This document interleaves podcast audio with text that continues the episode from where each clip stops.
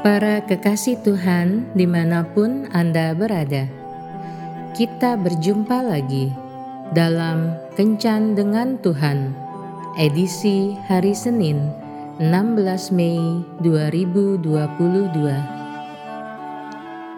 Dalam Kencan kita kali ini, kita akan merenungkan bacaan dari Kitab Keluaran, bab 2, ayat 5 sampai 6 dan ayat 10.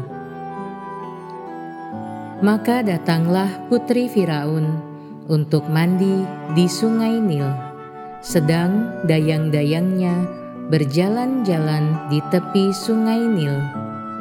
Lalu terlihatlah olehnya peti yang di tengah-tengah teberau itu, maka disuruhnya hambanya perempuan untuk mengambilnya.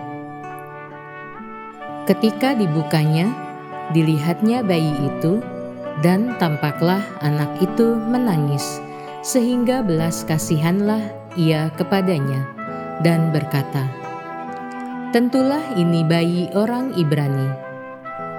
Ketika anak itu telah besar, dibawanyalah kepada putri Firaun, yang mengangkatnya menjadi anaknya, dan menamainya Musa Sebab katanya, "Karena aku telah menariknya dari air."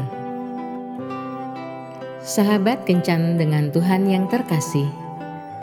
Suatu ketika seorang wanita bernama Erna bersaksi, "Saya harus akui bahwa saya bisa seperti ini karena jasa orang tua saya." Di samping itu, seorang guru sekolah minggu saya juga berperan besar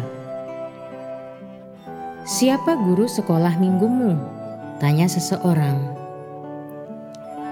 Saya lupa namanya. Maklum sudah 30 tahun lebih.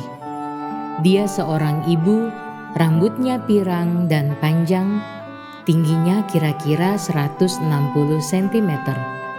Hanya itu yang saya tahu.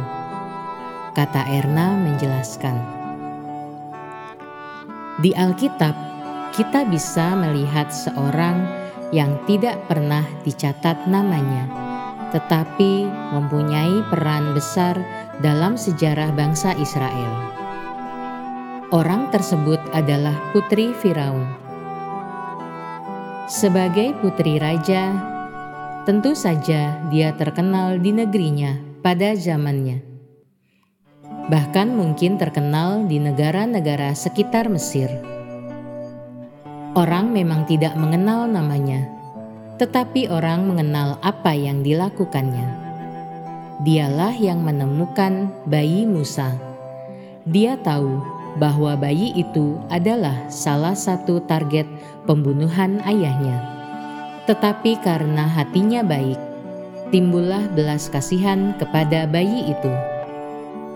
Tindakan ini sangat beresiko Sebab jika diketahui Firaun, bisa saja dia yang akan dihukum. Namun sepertinya dia tidak takut pada hal itu. Nyatanya, ketika anak itu telah besar, dia malah mengangkatnya menjadi anaknya. Sebenarnya, dari apa yang telah dilakukan putri Firaun, yang mendapat keuntungan justru bangsa Israel. Dengan menyelamatkan Musa, putri Firaun telah menyelamatkan seseorang yang akan memimpin bangsa Israel keluar dari Mesir. Ini adalah kerugian besar bagi Firaun dan Mesir. Dengan mengangkat Musa menjadi anaknya, putri Firaun telah membuka kesempatan kepada Musa untuk menjadi orang terpandang di Mesir. Status ini berguna bagi bangsa Israel ketika mereka keluar dari Mesir, yaitu menjadi alat Tuhan untuk membuat orang Israel semakin bermurah hati. Di samping itu, dengan mengangkat Musa menjadi anaknya, putri Firaun telah membuka kesempatan bagi Musa untuk mengenyam pendidikan yang cukup baik. Inilah peran besar dari putri Firaun bagi bangsa Israel. Ingin dikenal itu wajar, tetapi lebih penting dari itu adalah menjadi berkat melalui tindakan nyata. Mari kita berlomba-lomba menghasilkan karya yang bisa dirasakan orang banyak, terutama yang membangun kehidupan rohani dan membuat Tuhan dimuliakan. Tuhan Yesus memberkati. Marilah berdoa.